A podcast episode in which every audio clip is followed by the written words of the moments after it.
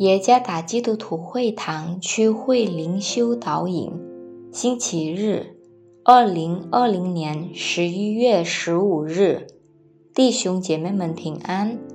今天的灵修导引，我们借着圣经马太福音六章二十五到三十四节来思想今天的主题：一点小事值得担忧吗？作者谢新荣弟兄，马太福音六章二十五到三十四节，二十五节。所以我告诉你们，不要为生命忧虑吃什么，喝什么；为身体忧虑穿什么。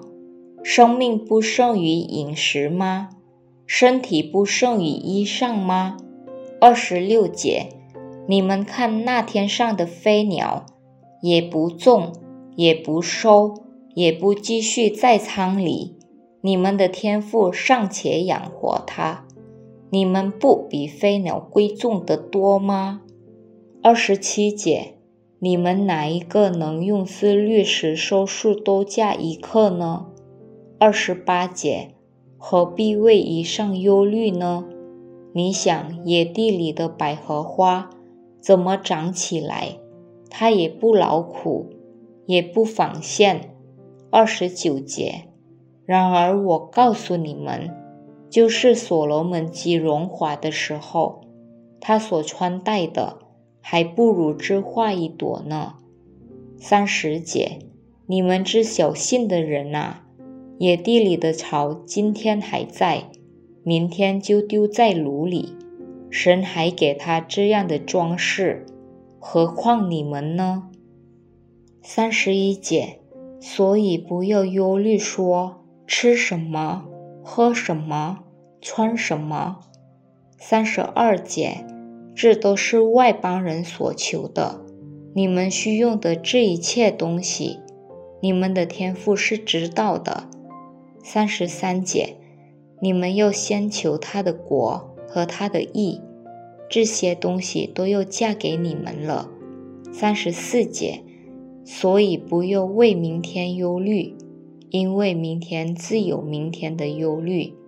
一天的难处，一天当就够了。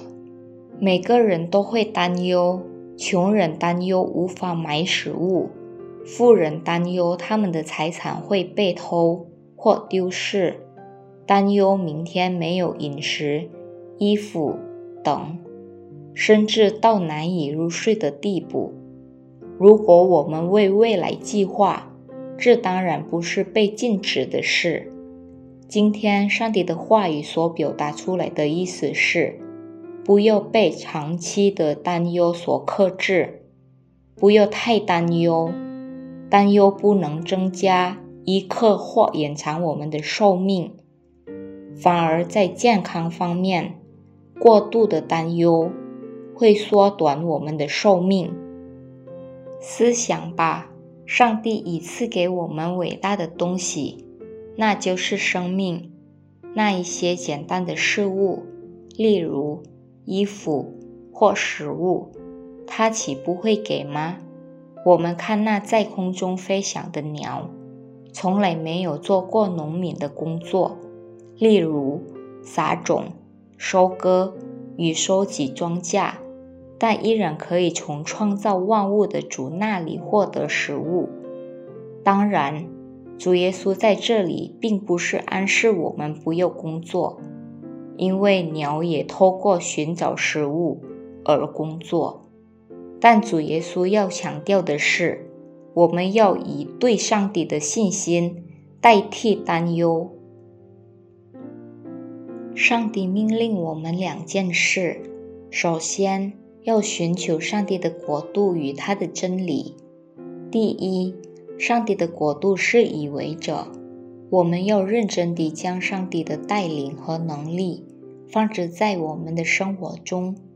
第二，他的真理是以为者我们不再遵循世界的真理，而是跟随基督的真理。信徒必须。继续专注于属灵的价值与完全的依靠上帝。上帝知道他子民的需要，无论是属灵的还是肉体的，他都会慷慨地提供给他们。与其烦恼担忧，不如冷静地依靠上帝。上帝赐福。